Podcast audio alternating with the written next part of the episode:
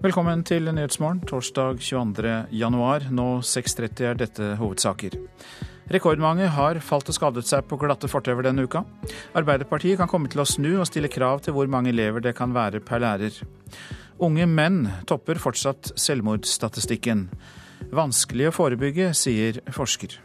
De har vært veldig strebere etter å levere, og, og, de har levert mye. Og de har gjort det veldig bra, og de, de har fullført sine skoler. Var, mange var i sine masterutdannelser når de tok livet sitt, eller satt i veldig gode jobber. Mette Lyberg Rasmussen ved Folkehelseinstituttet. Mange millioner i lønn og sponsorinntekter til 16 år gamle Martin Ødegaard, som nå er klar for Real Madrid. Ja, mange har falt på glatte fortauer og gangveier de siste dagene. Nysnø som har lagt seg over blankisen mange steder i landet, har ført til skaderekord, bl.a. på legevakten i Oslo. En av dem som måtte dit, var Gunnar Mindestrømmen, som vanligvis bor i Bergen. Jeg var på vei ut fra et hotell oppe i Holmenkollen og så skulle jeg gå ned til T-banen. Så skulle jeg gå en snarvei, så var det snø oppå isen. Og så sklei jeg. Og da var jeg jo iskald i muskulaturen etter å ha sittet inne og kom ut. Så da røk jeg en muskel i låret. Flere steder i landet meldes det om mange skader hos folk som har sklidd på veier, fortauer eller på vei ut av huset sitt. I hovedstaden er det notert ny rekord, sier seksjonsoverlege Knut Melhus ved legevakten. Ja, Vi har vel aldri hatt eh, så mye skader på to dager etter hverandre som vi har hatt mandag og tirsdag denne uken. 500 fallskader har de registrert på to dager, og godt over halvparten av dette skyldes glatt underlag. Enkelte skader er mer alvorlige enn andre. Heldigvis er jo de fleste av en sånn type at man blir bra igjen i løpet av noen uker. Men man kan også skade seg alvorlig? Ja, ja, helt klart. Det er en del av pasientene som må til sykehus og blir operert for bruddskadene. Spesielt eh, ankelskader er den vanligste kanskje som blir operert på sykehus. Og så er det brudd i håndleddet er det vanligste som vi behandler her nede. Minstrømmen har pendlet mellom Oslo og Bergen i mange år, så han er egentlig klar over hvor glatt det kan være i hovedstaden. Jeg pleier å gå med brodder da, når jeg går inn i byen her, for det er jo så dårlig strøing. Men, eh, men, i dag så hadde jeg ikke brodder med meg, da. Så, sånn var det. En av årsakene til de mange skadene denne uka var altså at nysnø la seg på is. Knut Melhus ved legevakten frykter at mer skiftende vinterklima vil forverre problemet. Så vi har jo alltid hatt dette her hver eneste vinter, så det er jo stort sett spørsmål om når i januar det kommer. Men det er klart disse klimaskiftene med sånn pluss-minus uh, annenhver dag hvor det fryser på litt snø nå og da, det er klart det gjør at dette problemet vil øke. Gunnar Mindestrømmen har fått krykker og smertestillende, og regner nå med at det blir noen dager i ro. Jeg hadde planlagt en skiweekend til helga, men den tror jeg går fløyten nå. da. Så skal jeg jo hjem til Bergen i morgen med fly, så jeg er jo litt spent på hvor det går. Ja. Reporter på legevakten i Oslo, Tom Ingebrigtsen. Tilstanden er fremdeles kritisk for sjuåringen som fikk et håndballmål over seg i går kveld. Det var Nannestadhallen på Romerike i Akershus det skjedde. Et mål var ikke festet til gulvet slik det skulle ha vært. Kunnskapsutvalget i Arbeiderpartiet vil at partiet skal snu og stille krav til hvor mange elever det kan være per lærer. Et utvalg som er satt ned av Jonas Gahr Støre kommer med en rekke forslag som skal bedre norsk skole. Og leder i Arbeiderpartiets kunnskapsutvalg er Jette Christensen. Lærerne trenger flere kolleger. Eh, vi tar til ord for eh, at vi trenger å ha flere lærere. Vi skaper en lærernorm. Eh, fordi at lærerne sier at de trenger tid, de trenger tillit og de trenger flere kolleger for å kunne se hver enkelt elev. Da har vi funnet ut at x er lik 5. Hva koster da blyanten? I klasserommet bør det bli flere lærere, konkluderer utvalget som Jonas Gahr Støre satte ned da han ble sjef. Støres kunnskapsutvalg foreslår en nasjonal norm for lærertetthet noe partiet tidligere var imot. Jeg syns det er leit at de kommer på det nå, eh, og ikke når vi kunne gjøre noe med det. For dette er jo akkurat det Kristin Halvorsen i flere år prøvde å få til, eh, og som det ikke var mulig å få flertall for i forrige regjering. Sier Audun Lysbakken, leder i SV. Men det betyr at et stortingsflertall kan være innen rekkevidde for SVs gamle hjertesak. Det gleder meg hvis Arbeiderpartiet går inn for nasjonale krav til eh, lærertetthet, for det er det viktigste vi kan gjøre for å gjøre skolen bedre. Elever bør få bedre oppfølging, økt tilgang på datamaskiner og en egen mentorordning er noen av forslagene fra Jette Christensen og hennes utvalg. Men kostnadene til å gjennomføre tiltakene har de ikke regnet på. Vet du hva?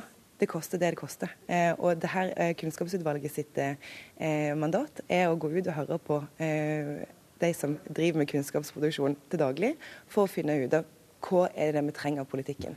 Reportere Line Tomter og Trond Lydersen, og debatt blir det om dette i Politisk kvarter på P2 kvart på åtte. Norge må raskere godta nye EU-direktiver, mener statsminister Erna Solberg. Til Dagens Næringsliv sier hun at et mindre oljeavhengig Norge vil bety at vi er mer avhengige av EUs indre marked. Derfor er det veldig viktig, når vi nå skal ha flere bein å stå på, at vi ikke alltid er det landet som skal be om unntak og særordninger, sier Solberg. Statsministeren mener at den rød-grønne regjeringens motstand mot postdirektivet, som Solberg-regjeringen vil innføre, kunne gjort deler av EU-markedet utilgjengelig for norske bedrifter, hvis man altså ikke hadde godtatt det. Russland har en eh, okkupasjonsplan for Ukraina, hevder USAs FN-ambassadør. Situasjonen er farlig, sa FN-ambassadør Samantha Power under et møte i FNs sikkerhetsråd i går. Hun anklaget Russland for å trene utstyret og kjempe sammen med de prorussiske opprørerne i Ukraina.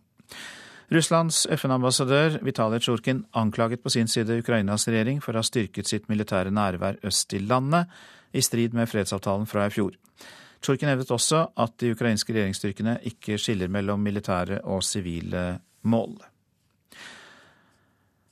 Og eh, presidenten i Jemen har godtatt eh, Houthi-militsens krav om endringer i et utkast til ny grunnlov. Til gjengjeld skal militssoldaten trekke seg bort fra regjeringsbygningene i hovedstaden. Det er det statlige jemenittiske nyhetsbyrået Saba som melder det. Hjem igjen til Norge og eh, en statistikk som er ubehagelig. Unge menn topper nemlig fortsatt selvmordsstatistikken her i landet. Nå skal det forskes på hvordan disse selvmordene kan forebygges. Hos Kirkens SOS mottar de mange henvendelser fra mennesker med selvmordstanker, men eh, de er sjelden menn. Her er ei, eh, ei som har selvmordstanker. Normalt så er det unge kvinner mellom 14 og 30 år som dominerer på en skjerm hos Kirkens SOS i Fredrikstad kan daglig leder Harald Mella se innlegg fra mennesker i krise med selvmordstanker. Han skulle ønske at flere menn tok kontakt. Få tak i dem, bygge en relasjon, eh, og slik at den suicidalterskelen minker. For det de ofte fortviler over, er at eh, den psykiske hva skal jeg si, følelsen av at alt er uutholdelig, er for stor. For kort tid siden kom selvmordstallene for 2013. De viser at 554 nordmenn tok livet i forfjor. Omtrent like mange som i hvert av de ti foregående åra. Og som alltid, over dobbelt så mange menn som kvinner valgte selv å avslutte livet. Hver uke tar to menn under 34 år livet sitt i Norge. Mange av dem tilsynelatende vellykkede unge menn. Dette er unge menn som, som har levert helt fram til den dagen de har tatt livet sitt. Mette Lyberg Rasmussen ved Folkehelseinstituttet forsker på selvmordene blant yngre menn, og har funnet enkelte fellestrekk. Det ene er at de har stilt høye krav til seg selv. De har vært veldig strebere etter å levere, og, og, de har levert mye, og de har gjort det veldig bra. og De, de har fullført sine skoler, var, mange var i sine masterutdannelser når de tok livet sitt, eller satt i veldig gode jobber. Sånn at de sjøl hadde nok en utviklet en personlighetsstruktur hvor, hvor, det var viktig for dem å leve opp til disse høye kravene, og nettopp at de hadde med seg en sårbarhet som lå i det å ikke kunne feile. Forskeren dybdeintervjuet en rekke av de pårørende til ti unge menn som plutselig tok livet sitt. Ingen av de ti hadde vært i kontakt med det psykiske helsevernet. Rasmussen spør seg om hvorfor mennene ikke søkte hjelp, eller snakket med noen om hvordan de hadde det. Hva var nærmest barrieren? Altså hvorfor synes det som at han ikke kunne gå ut og si ifra at han faktisk sto i en så alvorlig krise. I Kirkens SOS har de lang erfaring med at det nytter å snakke om ting. Og når de blir møtt, så er det veldig ofte at det hjelper til en, å være der til en ny dag i morgen. Og underveis så kan de kanskje finne andre mestringsmåter for å, å, å leve videre på. Nå skal Mette Lyberg Rasmussen i Folkehelsa forske videre for å forstå mer av hvorfor tilsynelatende vellykkede unge menn er overrepresentert i selvmordsstatistikken. Se etter signaler, er hennes tips. Hvis det er noen uttalelser vi stusser på, eller eh, magefølelser som gjør oss urolige, så kan det være kjempeviktig å ta tak i de der og da. Bare gå direkte til vedkommende og utforske de. Mette Lyberg Rasmussen sa det, forsker i Folkehelseinstituttet. Reporter Lars Håkon Pedersen. Hans Christian Lillehagen, god morgen.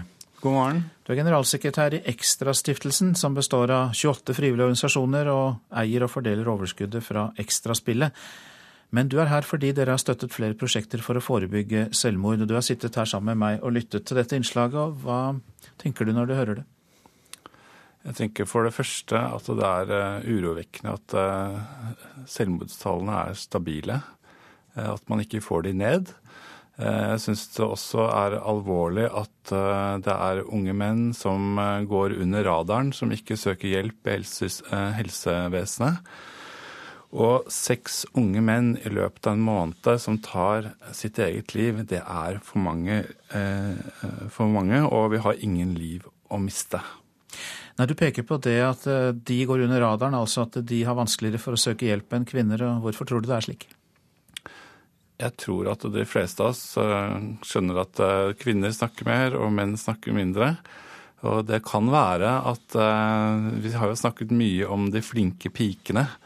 De siste årene, og helt til det siste året. Og jeg tenker at kanskje det er også nå på tide å snakke om de, de flinke guttene.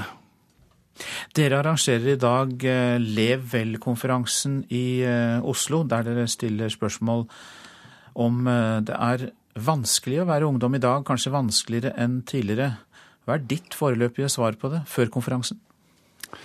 Ja, Ekstrastiftelsen vi prøver jo å søke de gode ideene og støtte de gode ideene hos de frivillige organisasjonene. Og eh, dagens tema er ung mestring. Og vi vet at eh, det er tøft å være ung. Det har det vel alltid vært. Eh, vi vet at det er annerledes i dag enn det var tidligere. Det stilles andre krav. Og da må man kanskje ha en annen oppskrift enn det man hadde for la oss si 30 år, jeg, 30 år siden da jeg var ung. Men hva er det som er det vanskeligste i dag, tror du, hvis du skal trekke fram et par ting? Altså Hvis vi ser på de eh, prosjektideene som vi får inn til Ekstrastiftelsen, og de prosjektene som vi støtter, så handler det veldig mye om eh, det som så fint på engelsk heter empowerment. Å eh, gjøre seg selv til sjef i eget liv.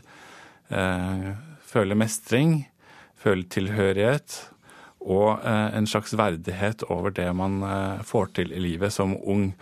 Og det kan være at terskelen har blitt eh, for høy, og at vi kanskje bør heller tenke et, et trinnvis trinnvis utvikling av barns og unges utdanningsliv, f.eks. Lærlinger. At, de får, at det blir ikke så vanskelig å få den jobben og den boligen og det, å skape det livet som eh, den enkelte skal gjøre.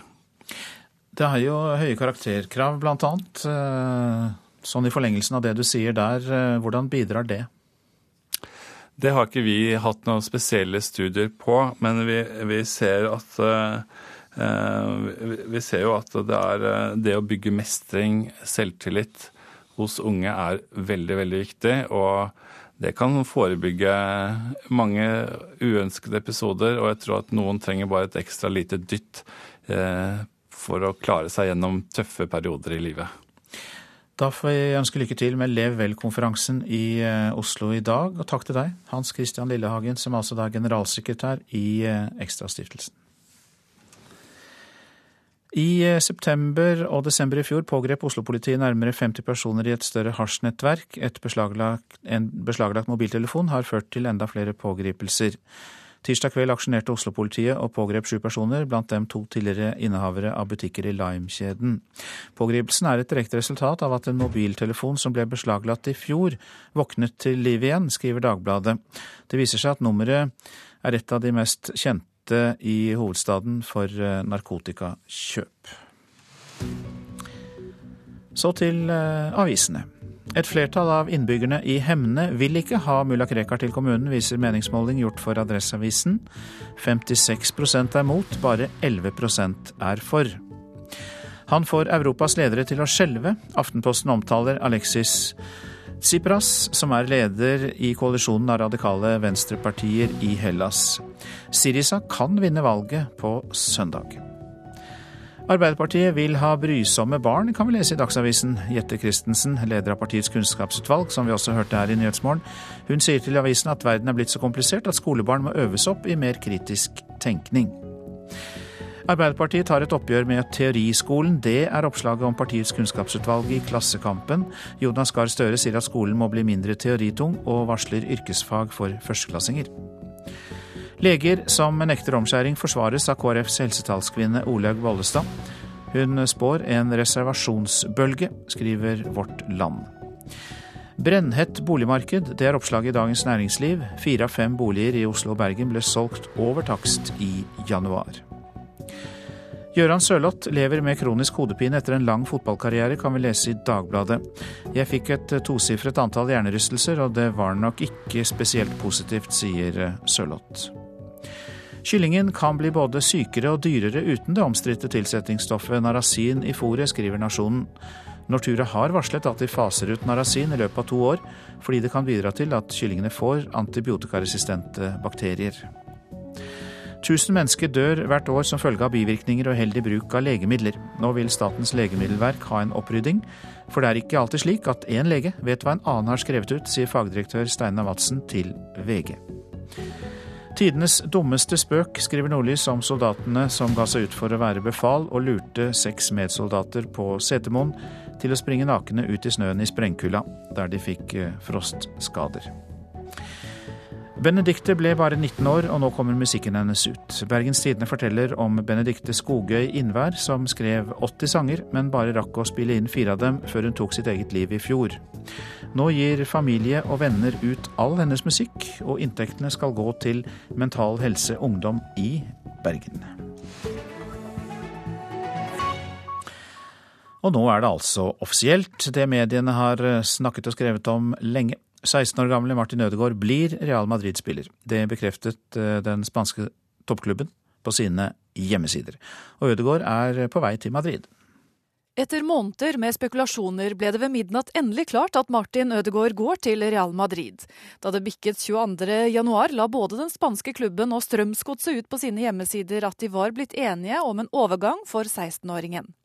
Når han lander i Madrid i løpet av formiddagen, bærer det rett til medisinsk test hos sjefslege Carlos Diez, før kontraktsignering og presentasjon på treningsanlegget Ciudad Real Madrid klokka 13.30. På nettsidene til Real Madrid står det at de har sikret seg det nåværende største fotballtalentet, som til tross for sin unge alder allerede har markert seg i europeisk fotball. Marianne Kvamme Amengual var reporter der. Og 16-åringen eh, kan få sponsoravtaler verdt mange millioner kroner. De kommer på toppen av Martin eh, Ødegaards eh, årslønn på rundt 20 millioner kroner fra Real Madrid urprodusenter, Rolex, energiselskap, flyselskap, klesprodusenter i alle varianter. Ja, alt egentlig. Sponsorkonsulent Jakob Lund kunne ramset opp i en evighet dersom han skulle gitt oss alle produkter og merkevarer som kan være interessert i å sponse Martin Ødegaard. Tusen, tusen takk. Uh... Ja, skal jeg være helt ærlig, så er jeg veldig overraskende at jeg får den prisen her. Tidligere denne måneden kunne Ødegaard motta prisen for beste gjennombrudd under Idrettsgallaen. For i fjor skjøt fotballkarrieren hans virkelig fart. I april ble han den yngste spilleren i Tippeligaen noen gang.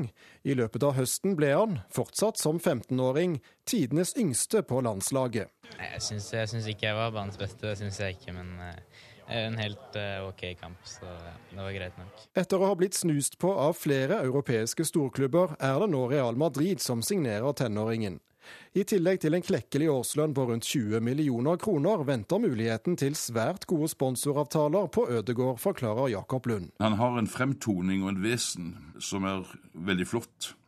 Han er ydmyk, han er eh, drømmegutt på en måte eh, for de fleste, og ikke noe bølle. Og dette vekker de europeiske konsernene i positiv forstand. Sponsoreksperten får følge av Kjetil Try.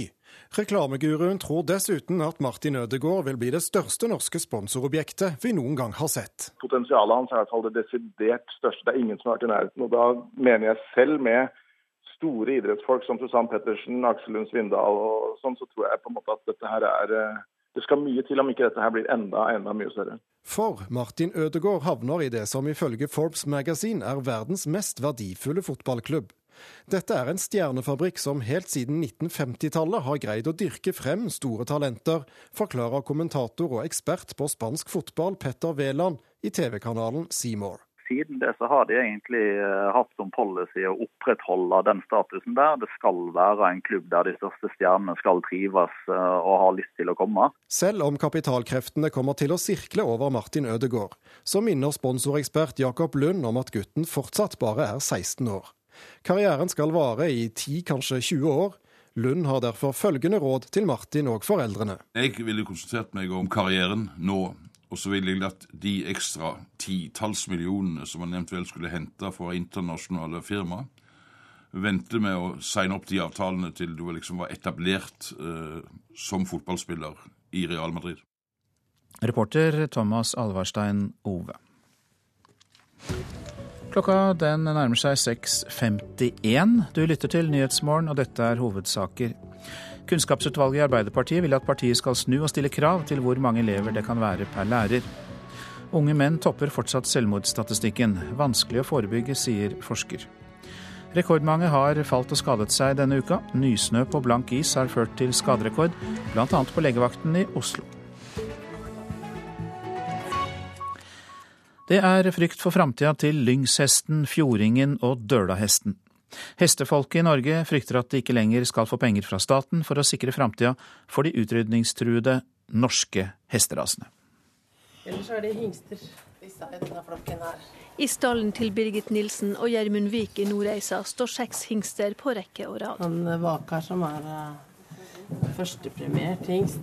Staskaren på gården, selvfølgelig som var på bedekkingstur til Sørlandet sist sommer. Jeg tror han hadde en god reise. Hver gang han stoppa, så var det nye hopper der. Han stoppa på veien hjem. Og, og han ble kåra som treåring. Og så har han vært på utstilling seinere som voksen, sånn som systemet har vært til nå, da. Hingsten Trollvik Vakar tenker kanskje tilbake på sommeren der han står i stallen denne vinterdagen. Som premiert avlshingst er han viktig i bevaringen av den utrydningstrua nordlandshesten Lyngshesten. Men fra nyttår er kåringen av hingster for å sikre denne og de to andre norske trua hesterasene, Dølahesten og Fjordingen, ikke lenger en statlig oppgave pga. en forskriftsendring. Ansvaret er overlatt til hesteorganisasjonene, og det bekymrer Birgit Nilsen. Vi har egentlig ikke fått noen eh, signaler fra Landbruksdepartementet på hva det betyr i praksis. Eh, Bekymringa går jo på det at vi nå får det fulle og hele ansvaret alene for å forvalte.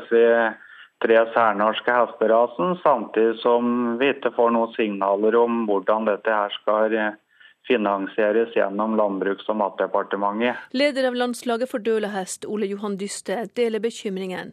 Men ekspedisjonssjef Gunnar Hagen i Landbruksdepartementet prøver å berolige hestefolket. Det blir ikke gjort noen endringer i, i noen eh, tilskudd eller, eller bevilgninger som følge av den tekniske endringen av regelverket. Vi skal fortsatt støtte opp om eh, fagmiljøene omkring det, slik at um, muligheten for at de kan utvikle gode avlsplaner og gjøre et godt arbeid, de, de, blir ikke endret.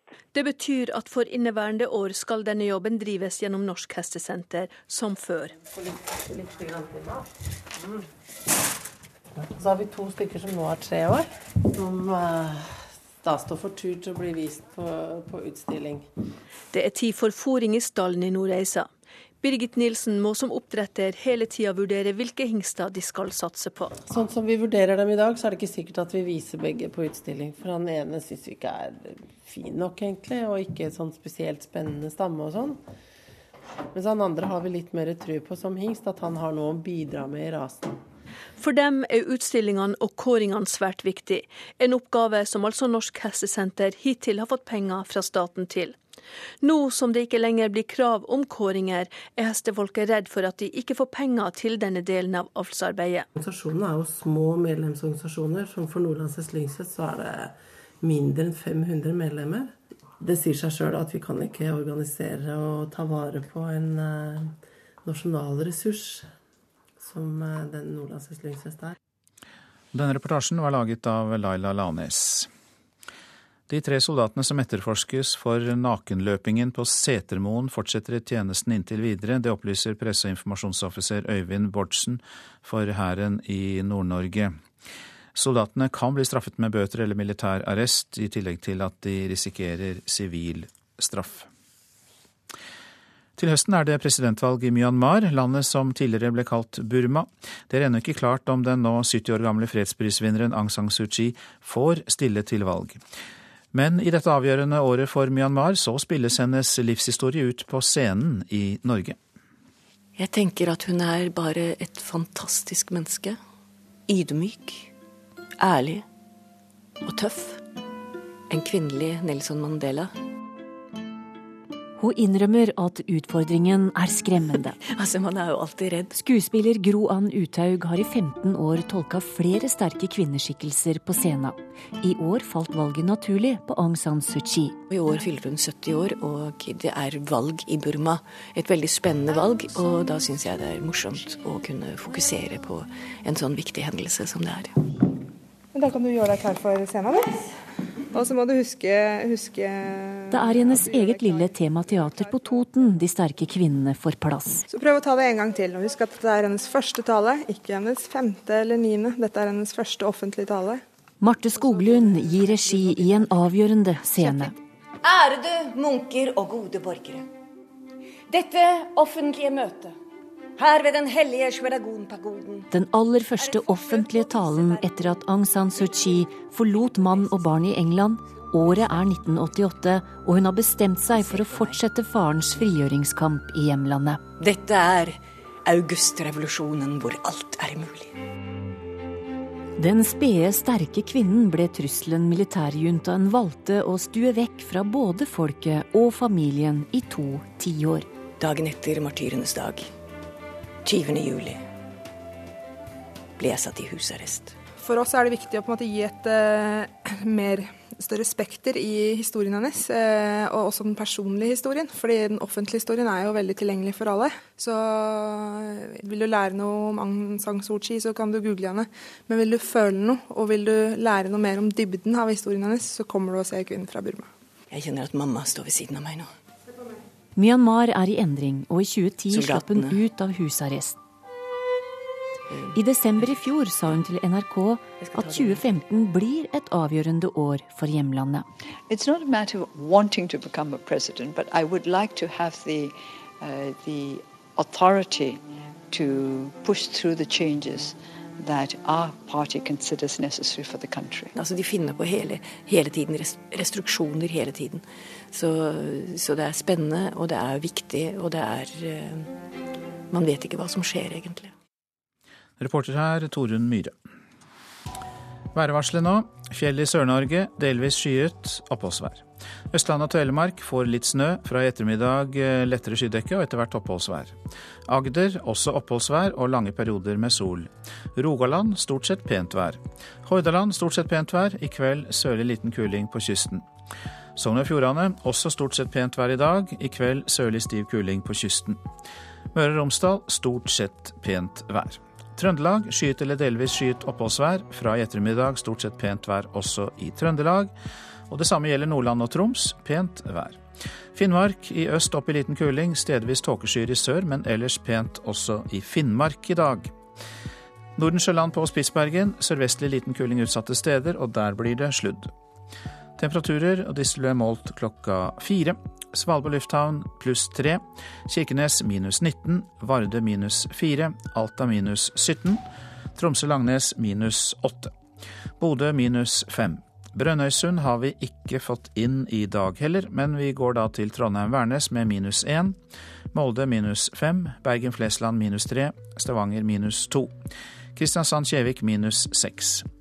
Gardermoen minus tre, Lillehammer minus fire, Røros minus sju og Oslo-Blindern minus to grader.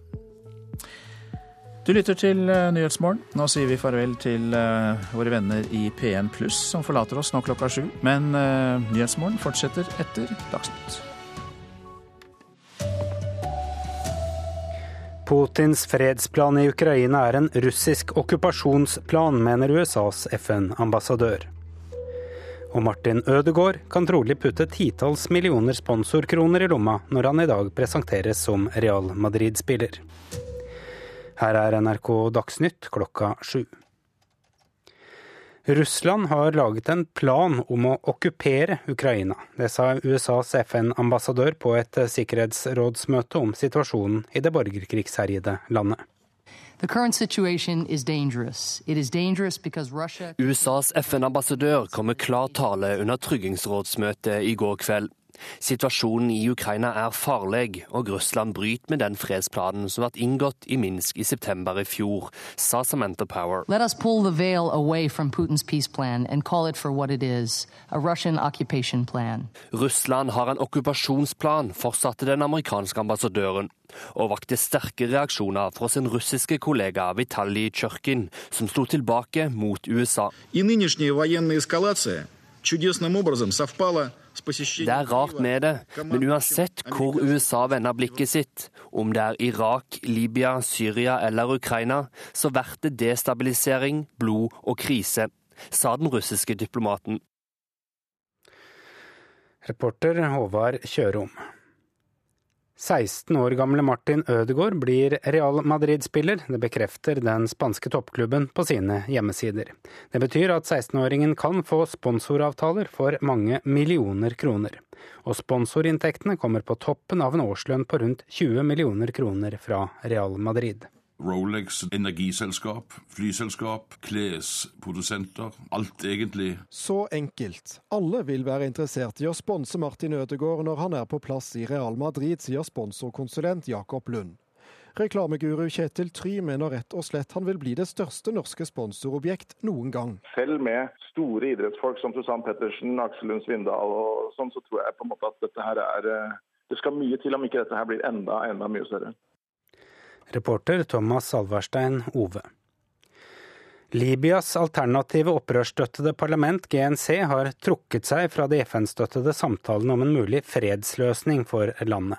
Nye fredssamtaler startet forrige uke i Genéve. Libya har vært herjet av uro siden diktatoren Muammar Gaddafi ble styrtet i 2011. Tilstanden til den sju år gamle gutten som i går kveld fikk et håndballmål over seg under trening, er fortsatt kritisk. Gutten ble fløyet til Ullevål sykehus med alvorlige skader etter ulykken i Nannestadhallen i Akershus. Ifølge politiet var målet ikke festet til gulvet slik det skal være. NRK Dagsnytt, Arild Svalbjørg.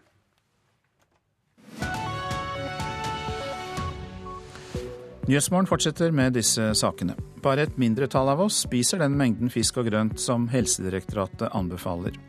Mange eiere i norske bedrifter er skjult for offentligheten. Det kan åpne for korrupsjon, advarer jusprofessor.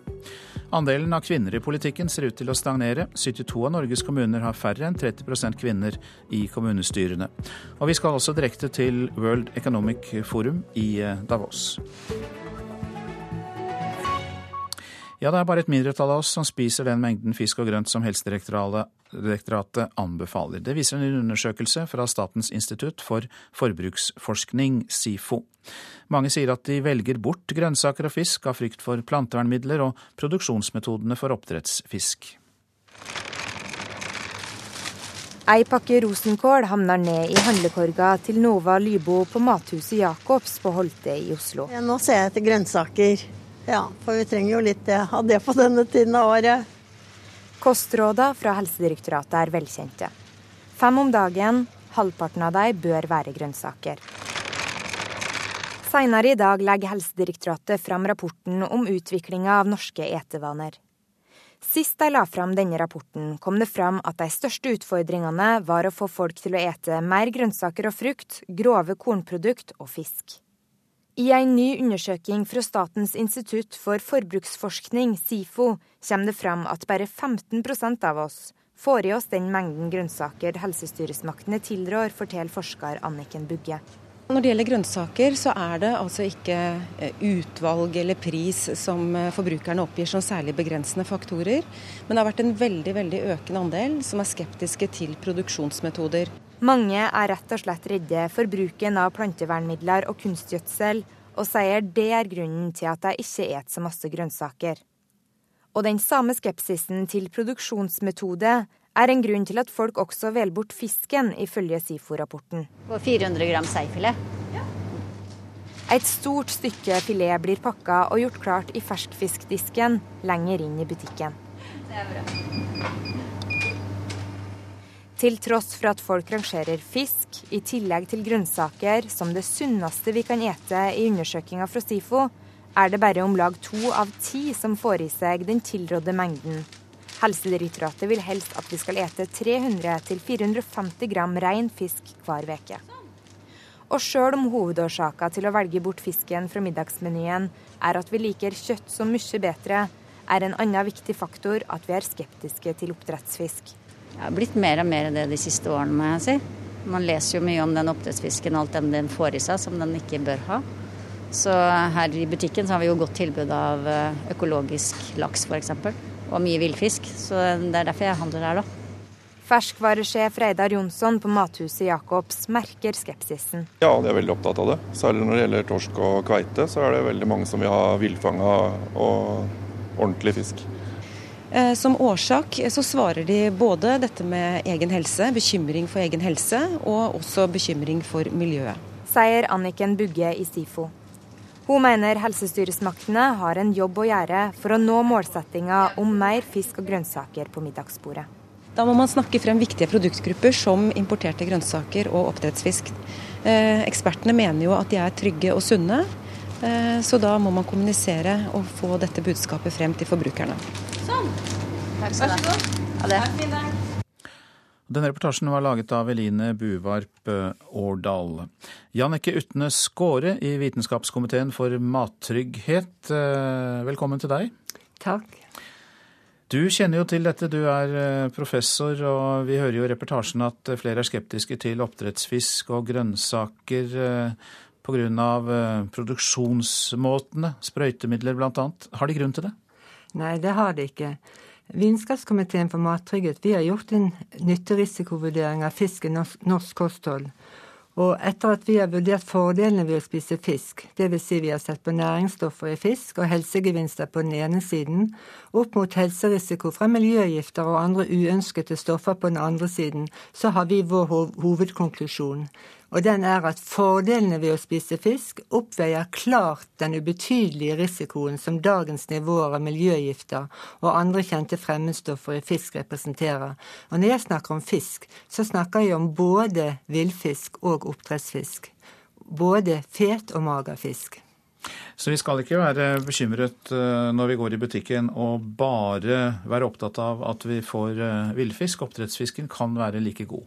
Ja, oppdrettsfisken faktisk i dag har lavere miljøgiftnivå enn f.eks. villmakrell. Men eh, ja, makrell på boks, det er jo et populært produkt i Norge som alle kjenner til. Er det fortsatt like sunt, eller er det slik at vi bør begrense bruken av det? Nei, det er, ikke, har, det er, ikke, noen grunn til å begrense bruken av det. Det er viktig at man spiser variert. At man spiser både fet og mager fisk. Det er faktisk det viktigste budskapet. Så til eh, grønnsaker, for det ble jo luftet mm. skepsis til eh, sprøytemidler her også i dette innslaget. Hvordan er risikoen der? Ja, nå er grønnsaker det er ikke noe jeg selv har vurdert, men VKM vi, For et år siden så gjorde vi en økologisk eh, Nei, unnskyld. Da gjorde vi en eh, vurdering av økologisk eh, produserte grønnsaker og frukt opp mot konvensjonelt produsert. Og Der var konklusjonen at økologiske grønnsaker inneholdt noe mindre pesticider, altså plantevernmiddelrester, enn konvensjonelt. Men det var også slik at nivåene av pesticider i konvensjonelt er også lavt. Og ikke forbundet med noen mattrygghets... Eh, altså, det, det, påvirker ikke mattryggheten. Det er ikke noen helserisiko forbundet med pesticider i norsk mat. Er det noen forskjell dere har eh, merket dere på norskprodusert, utenlandskprodusert mat? Nei, nå er det slik at eh, myndighetene har jo store overvåkningsprogram, og de ser på rester av plantevernmidler. Og det er fordelt, eh, det er avhengig av hvilke produkter man ser på, men eh, det skal være trygt det man får i seg, det man kjøper, det som er frembudt av grønnsaker og frukt på det norske markedet.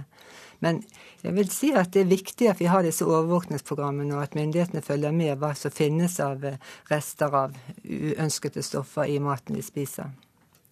Takk skal du ha, professor Jannicke Utnes Skåre, som eh, da arbeider for Vitenskapskomiteen for eh, mattrygghet.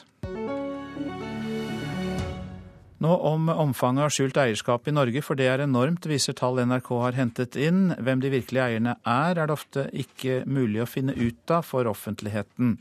Og dette kan åpne for korrupsjon, advarer jusprofessor.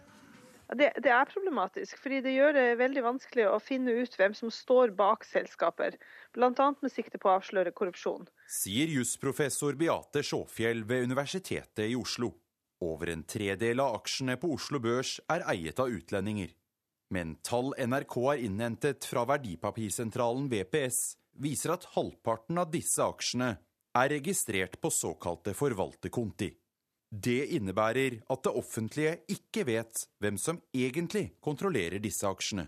Og For å sikre habilitet og uavhengighet i forskjellige sammenhenger, så er det viktig å kunne vite hvem som er aksjonærene i selskaper, og, og hva slags eh, interessekonflikter som eventuelt er der. Så det, det er veldig uheldig at man har dette systemet.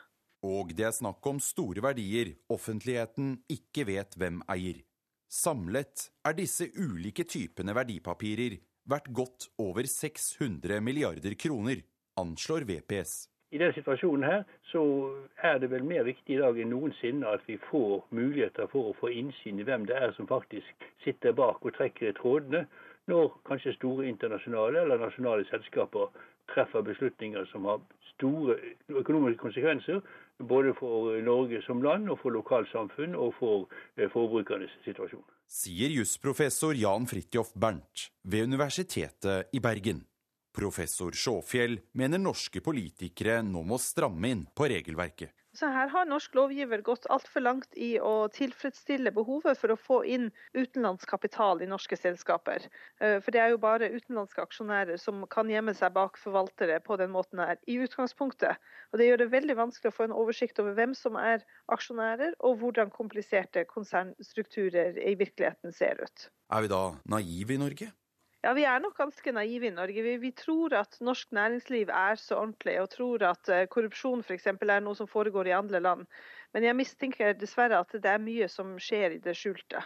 I flere andre land, som Danmark, tas det nå grep for å avdekke hvem som egentlig står bak bedriftene. Professor Bernt håper også norske myndigheter kommer på banen. Det, det, er vel så enkelt som at vi må eh, se på lovgivningen og eh, gi regler som iallfall sikrer at vi så langt som norsk lovgivning kan nå, krever at eh, opplysninger om eierskap i aksjeselskaper skal være offentlige dokumenter som er alminnelig tilgjengelige for både for myndighetene og for allmennheten. Reportere her Johan B. Settem og Sindre Heierdal. Hans Olav Syversen, god morgen til deg. God morgen. Du representerer KrF, er leder i Stortingets finanskomité. Ja, hva syns du om at eh, det er mange med skjult eierskap i norske bedrifter? Ja, Jeg er helt enig i at det er eh, en, en eh, utfordring for, for, oss. Det er allmenn interesse for hvem som faktisk eier selskaper. Og det er jo selvfølgelig også slik at eh, er det skjult, så vet man jo ikke helt hvem som står bak de egentlige navnene som vi kan lese om eh, fra børsen. Hvilke problemer kan det føre til? Ja, jeg tror jo det er eh, flere problemer knyttet til eh, skjult eierskap. For det første så vet vi jo at eh, man kan da være usikker på innsidehandelssituasjoner. Hvem er det egentlig som kjenner til informasjon på et for tidlig tidspunkt og kan dra en økonomisk fordel av det? Eh, så kan vi heller ikke se bort fra at eh, det er et skatteproblem knyttet til det. At man, eh, som vi vet, en del selskaper skalter og valter med sine eiendeler og slipper å betale skatt i både det ene og andre land. I hvert fall allokerer midlene sine der hvor man slipper unna billigst. Men kommer da dere i Stortinget til å gjøre noe med dette her? For vi fikk jo vite at ja. man er hardere i klypa i Danmark. Ja, jeg syns eh, vi skal eh, ta opp dette spørsmålet igjen, og jeg vil ta det opp med regjeringen. Og så er det også slik at eh, der vi også kjenner eierskapet, så er det også viktig at folk får muligheten til å få greie på det, og det har med hvilke registre vi har. Og akkurat nå så er det faktisk noe på høring for å sikre at allmennheten skal få eh, klarhet i hvem som er eh, eiere. Det gjelder jo da særlig innenlands, eh, og dermed også kan avdekke strukturer som noen ganger kan det være grunn til å gå nærmere inn på. Både for deg og for meg. Eh, og når det gjelder eh, pressen, så er det viktig for, for allmennheten å igjen få greie på det. Så er det veldig viktig, som det ble sagt, at eh, vi skal se hva vi kan gjøre innenfor rammen av norsk lovgivning. Det er ikke alltid vi kan pålegge selskaper som ikke i utgangspunktet hører hjemme her, den lovgivningen. Da er det internasjonale samarbeidet viktig. Men jeg vil gi den utfordringen til regjeringen og se hva kan vi gjøre. Uh, punkt én i Norge for å få et så godt lovverk som mulig som sikrer mest mulig åpenhet. Og punkt to, hva kan vi gjøre internasjonalt for at vi i fellesskap kan avdekke mer av de egentlige eierinteressene. Det tror jeg kommer til å bety mye for hvor uh, skatteinntekter bl.a. kommer til å havne på sikt. Og derfor er det også viktig for den generelle økonomien, både i Norge, men også i andre land. Takk skal du ha, Hans Olav Syversen, som altså da er representant for KrF på Stortinget og leder av eh, finanskomiteen. Dette er Nyhetsmorgen, og klokka den går mot 7.17. Vi har disse hovedsakene. Russland har laget en plan for å okkupere Ukraina. Det sa USAs FN-ambassadør på sikkerhetsrådsmøtet om situasjonen i det borgerkrigsherjede landet i går. Bare et mindretall av oss spiser den mengden fisk og grønt som Helsedirektoratet anbefaler, fikk vi høre her i eh, Nyhetsmorgen. Og eh, mange eiere i norske bedrifter er skjult for offentligheten, som vi nettopp snakket om. Det kan åpne opp for korrupsjon, advarer jusprofessor. Og eh, mange millioner i lønn og sponsorinntekter kan 16 år gamle Martin Ødegaard få, som nå er klar for Real Madrid. I Davos er næringslivstopper, politikere, akademikere og journalister samlet for 44. år på rad for å drøfte verdens utfordringer under World Economic Forum.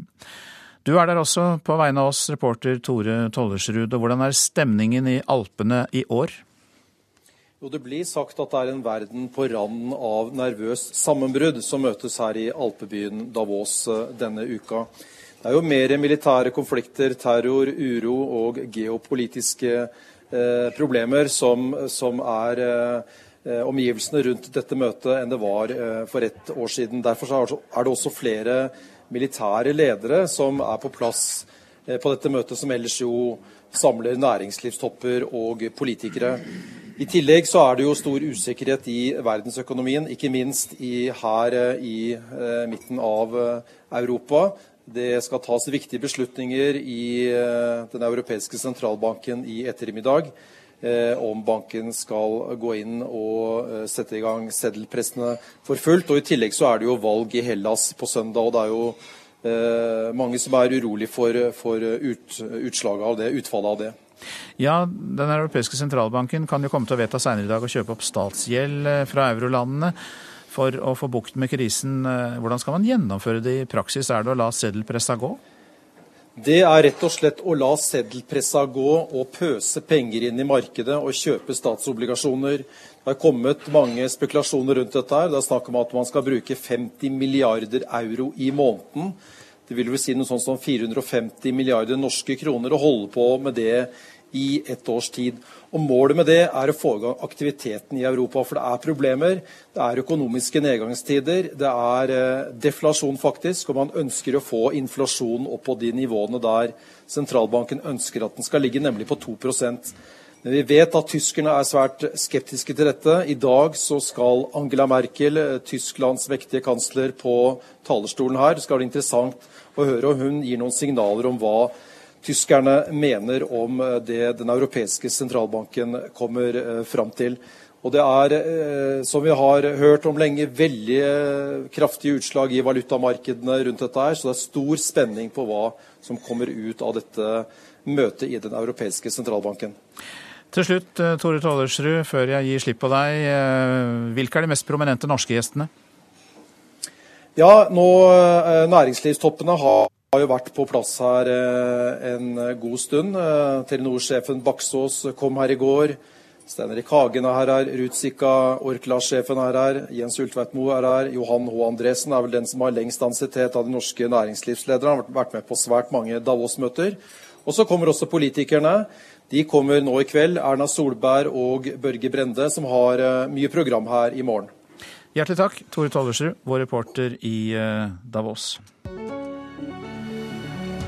Vi snur oss mot den historiske avtalen mellom USA og Cuba som det snakkes om nå. Det er samtaler i gang som begynte i går. Normalisering av forholdet etter 50 års isfront. Dette fikk vi jo vite i desember, da man utvekslet fanger.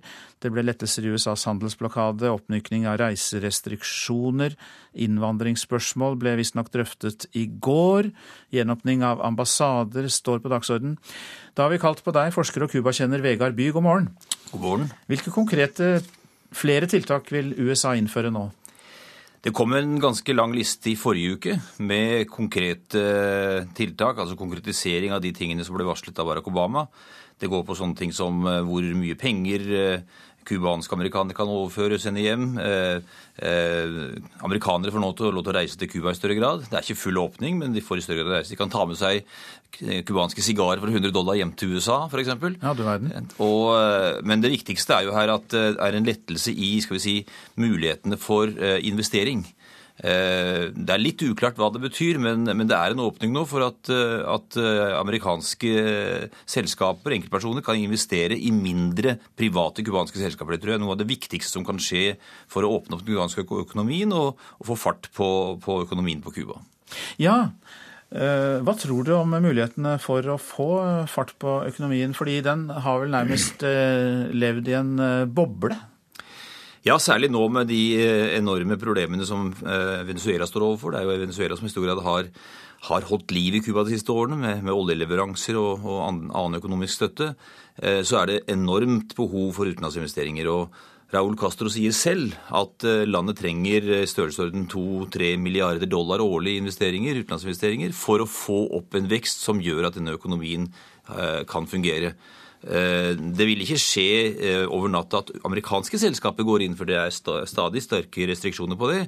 Men mitt inntrykk er at, eh, at europeiske selskap eksempel, nå er langt mindre bekymret for å investere på Cuba enn tidligere. Kanskje... Men er, er, dette på sporet nå? Altså, det er ikke slik at man kan få noen tilbakeslag? Nei, nå er i hvert fall eh, altså, USA har gjort det klart at, eh, at straffetiltak mot eh, europeiske selskap for å investere på Cuba, de faller vekk. Nå kan f.eks. båter gå rett fra Havanna til havn i USA. Tidligere var det et halvt års sanksjoner på det. Eh, men det er klart at eh, det som kanskje er aller viktigste, er jo eh, at Cuba vender tilbake til det interamerikanske systemet og dermed kan bli gjenopptatt i den interamerikanske utviklingsbanken og bli en del av det internasjonale finanssystemet. Da vil også garantier og, og låneavtaler kunne få helt annen, et helt annet omfang i dag, noe som er noe av, noe av problemet når det gjelder utenlandsinvesteringer på Cuba. Jeg lurer inn et spørsmål til på tampen. Vegard Hva sier eksilcubanerne i USA til dette her? For de har jo vært uh, veldig motstandere av Castro og hans regime. Det har skjedd en, en, voldsom endring i det demografiske bildet i Miami og i Florida. Før så var det jo en massiv motstand mot å gjenoppta forholdet. Eh, da motstanderne forsøkte å samle seg en demonstrasjon etter 17.12., altså etter Obamas tale, så var det noen gamlinger som samla seg noen hundre i Miami. De aller, aller fleste av de yngre cubanerne ønsker dette velkommen, og ønsker nå å ha et aktivt forhold mellom USA og Cuba. Takk skal du ha, forsker og cubakjenner Vegard By. Så skal jeg si litt om det avisene har på forsidene. Et flertall av innbyggerne i Hemne vil ikke ha mulla Krekar til kommunen, viser meningsmåling gjort for Adresseavisen. 56 er mot, bare 11% er for. Han får Europas ledere til å skjelve. Aftenposten omtaler Alexis Tsipras, som er leder av koalisjonen av radikale venstrepartier i Hellas. Sirisa kan vinne valget på søndag. Arbeiderpartiet vil ha brysomme barn, kan vi lese i Dagsavisen. Jette Christensen, som leder partiets kunnskapsutvalg, sier verden er blitt så komplisert at skolebarn må øves opp i mer kritisk tenkning. Leger som nekter omskjæring, forsvares av KrFs helsetalskvinne Olaug Bollestad. Hun spår en reservasjonsbølge i Vårt Land i dag. Brennhett boligmarked er oppslaget i Dagens Næringsliv. Fire av fem boliger i Oslo og Bergen ble solgt over takst i januar. Gøran Sørloth lever med kronisk hodepine etter lang fotballkarriere, kan vi lese i Dagbladet. Jeg fikk et tosifret antall hjernerystelser, og det var nok ikke spesielt positivt, sier Sørloth. Kyllingen kan bli både sykere og dyrere uten det omstridte tilsetningsstoffet narasin i fôret, skriver Nasjonen. Nortura har varslet at de faser ut narasin i løpet av to år, fordi det kan bidra til at kyllingen får antibiotikaresistente bakterier. Tusen mennesker dør hvert år som følge av bivirkninger og uheldig bruk av legemidler. Nå vil Statens legemiddelverk ha en opprydding, for det er ikke alltid slik at én lege vet hva en annen har skrevet ut, sier fagdirektør Steinar Madsen til VG. Tidenes dummeste spøk, skriver Nordlys om soldatene som ga seg ut for å være befal og lurte seks medsoldater på Setermoen til å springe nakne ut i snøen i sprengkulda, der de fikk frostskader. Andelen av kvinner i politikken ser ut til å ha stagnert. I dag har 72 kommuner færre enn 30% kvinner i kommunestyrene. Så mange har en jobb å gjøre foran lokalvalget til høsten. Blant dem er ordfører i Stryn, Sven Flo. Hvis jeg ser litt på Høyre sin oversikt her, vi har jo to eh, kvinner inne. Én fortsetter, og én gir seg. Ordføreren studerer bildet av dagens kommunestyre i Stryn. Et mannstungt bilde. Når det gjelder Arbeiderpartiet, så har de én eh, kvinne, og hun har jo signalisert at hun gir seg. Dere har en jobb å gjøre. Vi har en kjempejobb å gjøre. Sju kvinner, 18 menn er status. Stryn kommune har altså skarvet 28% kvinner i kommunestyret. Også dette med å få kvinner på, på listene nå i forbindelse med nominasjonsarbeidet, det er, det er veldig kritisk avgjørende. fordi for at eh, man skal få ting til å gå opp og få funksjonelle kan du si, politiske organer, så er vi bare nødt for å ha fokus på dette, ellers så har vi et kjempeproblem. Kravet fra staten om 40% kvinner i styre og utvalg synes langt unna. Hele 72 kommuner har under 30% kvinneandel, og utsiktene for valget til høsten er labre. Dette er en utvikling som eh, over tid har eh, nå de siste valgene stagnert, slik at en, en ser ikke noen øke nå, nå lenger. Så, så, en er jo litt spent på hvordan det blir til, til høsten. Bjarte Folkestad er valgforsker ved Rokkansenteret, og reiste i fjor land og strand for å fortelle politikerne om årsakene til mangel på kvinner i politikken. Kanskje det skyldes at en er fornøyd. Kanskje skyldes det at det, det i en del kommuner er vanskelig for kvinner å nå fram. I tillegg nominerer ofte partiene menn øverst på lista. Når partiene leter etter kandidater, så leter de etter folk med erfaring. Og folk med erfaring, det er ofte menn. Og Det henger jo da sammen da med at menn sitter lenger i kommunestyret enn kvinner. I snitt sitter menn litt over to perioder, kvinner halvparten så lenge. Ei kvinne som taler statistikken midt imot, er Magni Myklebust.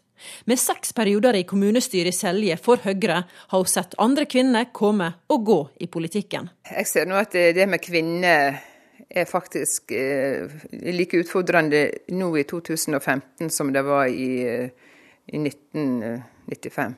Det syns jeg faktisk er litt trist. For eh, det å ha engasjement i samfunnet som vi lever i, gjelder jo begge kjønn. Jeg skulle ønske at vi kunne fått fram dyktige, gode kvinner som jeg vet finnes, men som vegrer seg. Men mye blir også avgjort valgdagen. Vi velgere må ta vår del av skylda. Vi kumulerer og endrer på partilistene til fordel for menn.